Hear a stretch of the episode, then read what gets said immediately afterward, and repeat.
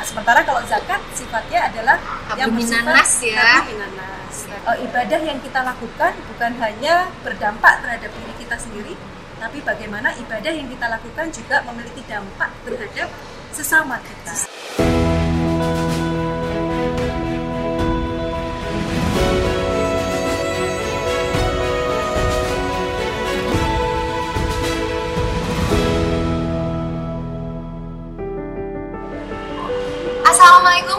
Warahmatullahi wabarakatuh. Apa kabar BMers? Kembali lagi dengan saya Erlina di sesi Muamalat Talk. Sekarang kita ada di Muamalat Hijrah Coffee nih. Muamalat Hijrah Coffee ini adalah coffee banking syariah pertama di Indonesia Jadi kalau BMers mampir nih ke Muamalat Tower Jangan lupa mampir juga ke Hijrah Coffee karena BMers sambil ngopi cantik bisa sambil buka tabungan di sini. Nah, lanjut ya sekarang di sesi Muamal Talk kali ini kita akan bahas tentang yang namanya zakat nih ya.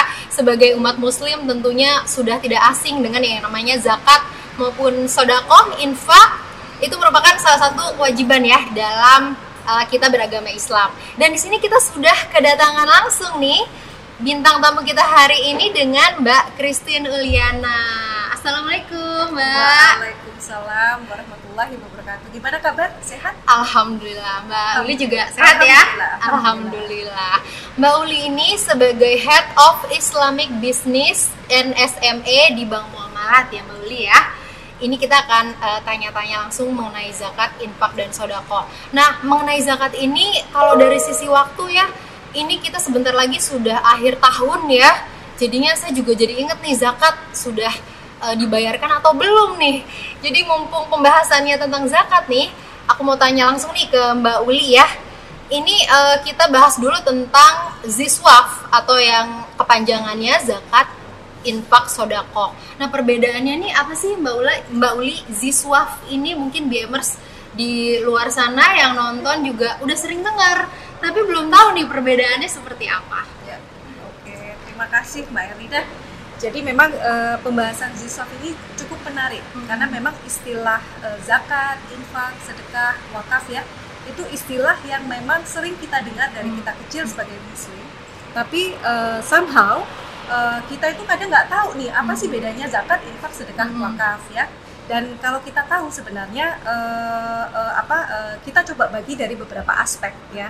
Jadi kalau misalnya kita lihat dari aspek hukum ya, dari aspek hukum eh, zakat ini sebenarnya eh, wajib ya Hmm. teman-teman sekalian. Sementara kalau infak sedekah eh, sifatnya sunnah, Sunnah ya. pun juga eh, sifatnya sunnah. Jadi yang wajib itu zakatnya ya Mbak Uli ya. Betul. Jadi satu dari sisi eh, wajibnya ya, kemudian dari sisi waktunya nih. Nah, dari sisi waktu sebenarnya zakat itu sendiri juga ketika masalah waktu nih. Mhm. Jadi eh, seperti halnya zakat fitrah ya, zakat fitrah itu kan memang satu kewajiban yang kita harus lakukan sebelum menjelang sholat Idul idul Fitri. ya. Sementara kalau infak ataupun eh, sedekah ya itu eh, tidak ada keterkaitan masalah eh, waktu ya. Mhm. Kemudian yang ketiga terkait eh, eh, apa eh, siapa penerima manfaatnya. Ah. Ya. Penerima manfaat kalau zakat itu juga sendiri eh, kita kan mengenal asnaf. Asnaf ya. ya. Jadi kalau zakat memang hanya boleh diterima oleh asnafnya tadi ada delapan asnaf. delapan asnaf ya mungkin sudah nggak asing juga nih. Betul. Penerima zakat ada delapan asnaf. Nah, apa Betul. aja nih Mbak Ulin ya?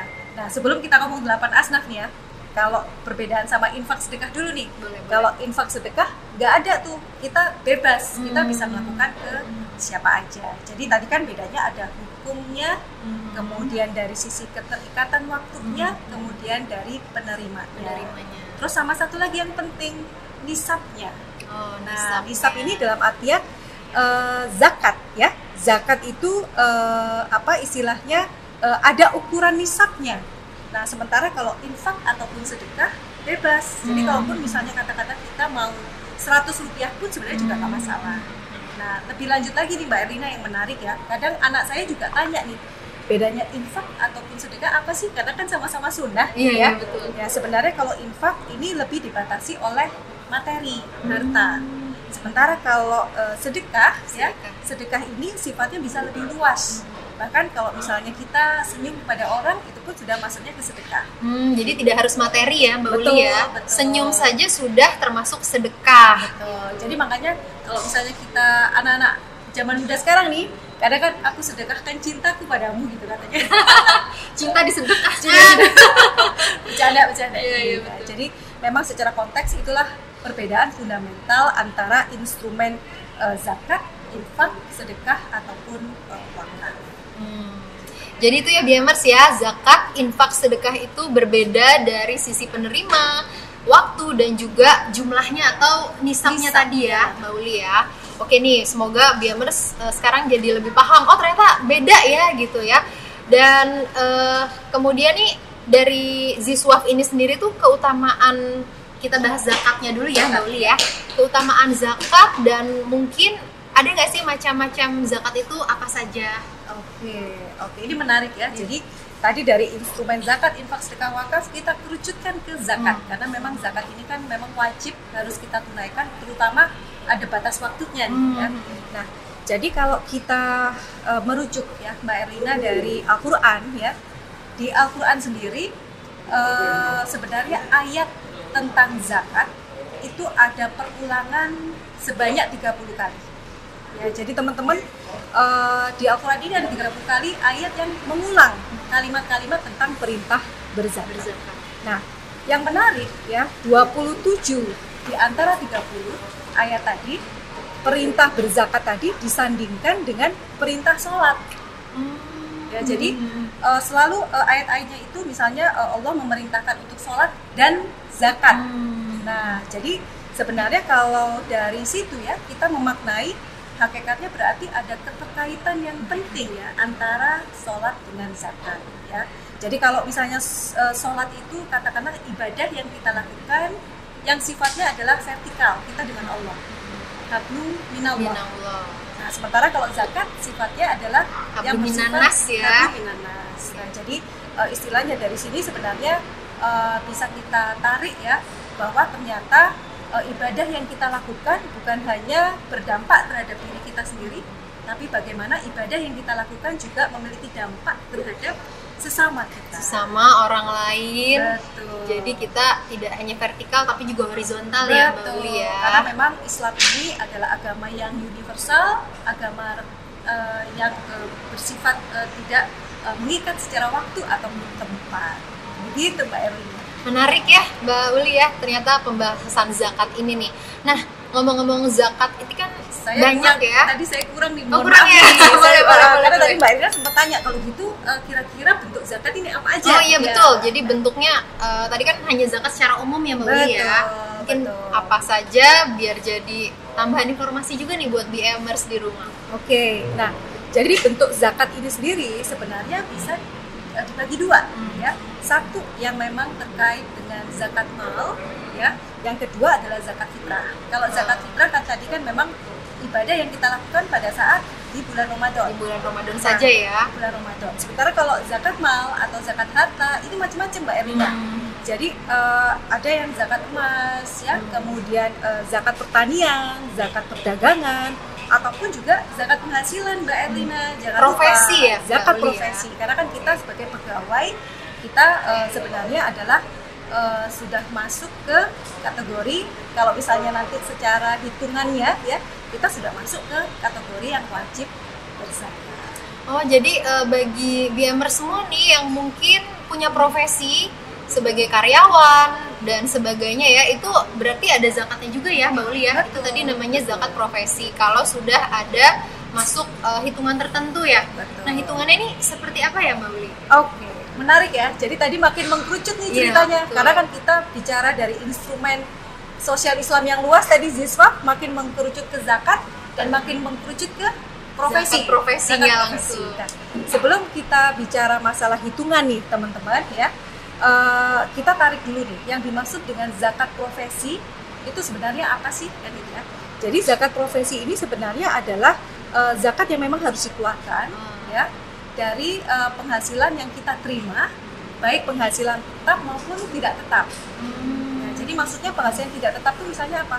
Kalau kita katakanlah dapat bonus, kita misalnya uh, katakanlah misalnya uh, kita ngajar gitu ya misalnya kita dapat fee gitu ya nah itu kan juga termasuk ke dalam penghasilan ya terus kemudian uh, kategorinya juga nih sebenarnya pendapatan itu bisa yang bersifat rutin ada juga yang bersifat tidak rutin nah kalau yang bersifat tidak rutin ini contohnya nih mbak Elina contohnya itu misalnya katakanlah dokter ya.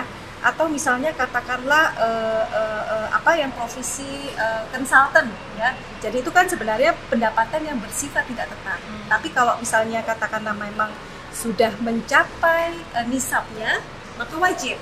Nah tadi kan memang pertanyaannya gimana ya cara menghitungnya? Nah jadi sebenarnya rekan-rekan sekalian cara menghitungnya karena memang zakat ini adalah sesuatu yang wajib yang aturannya juga jelas acuannya adalah setara dengan 85 gram emas. Oh. Kalau apa nisabnya Nisab. atau jumlahnya sudah setara 80 gram emas. 85. Oh, 85 gram. gram emas. Jadi wajib dibayarkan ya. Wajib, ya. Jadi iya. misalnya begini. Okay.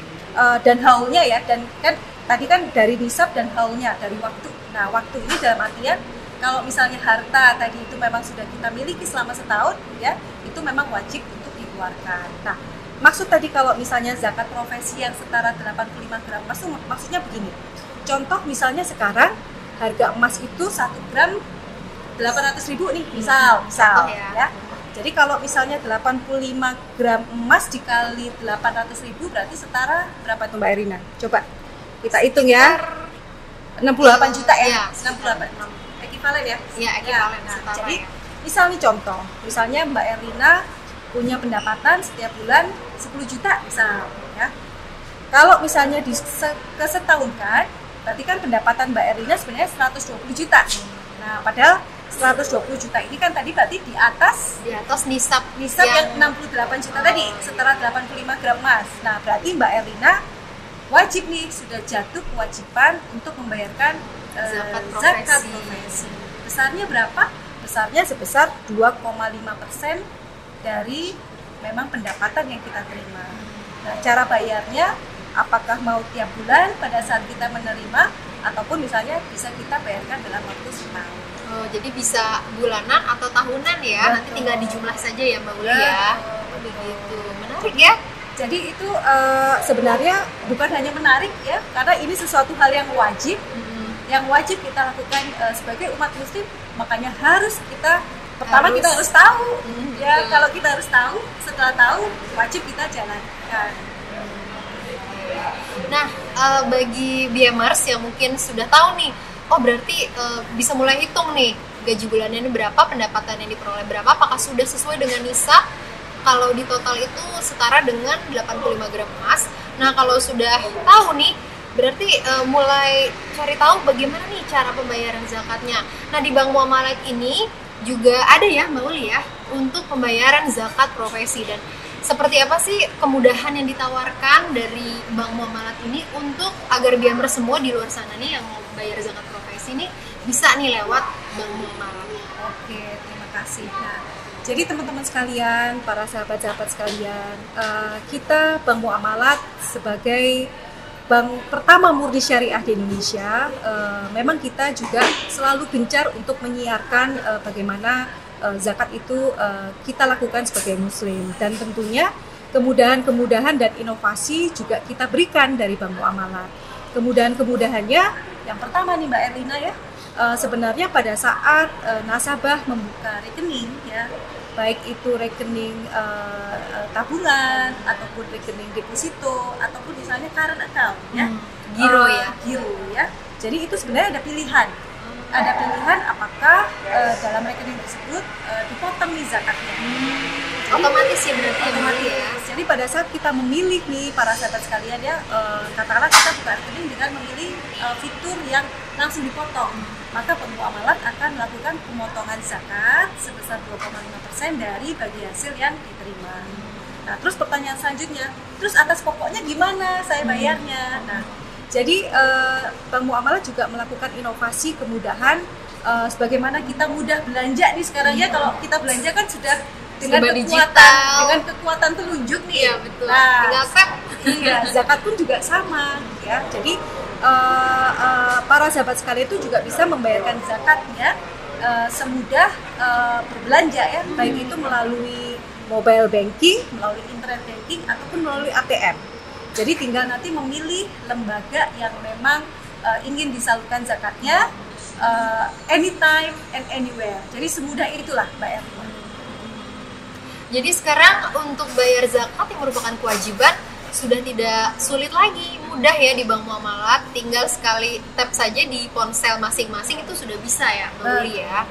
Jadi sekarang bagi BMers nih yang sudah tahu informasi ini, mungkin dari sekarang mulai coba bayarkan zakatnya kalau sudah sesuai nisabnya ya Mbak Uli ya.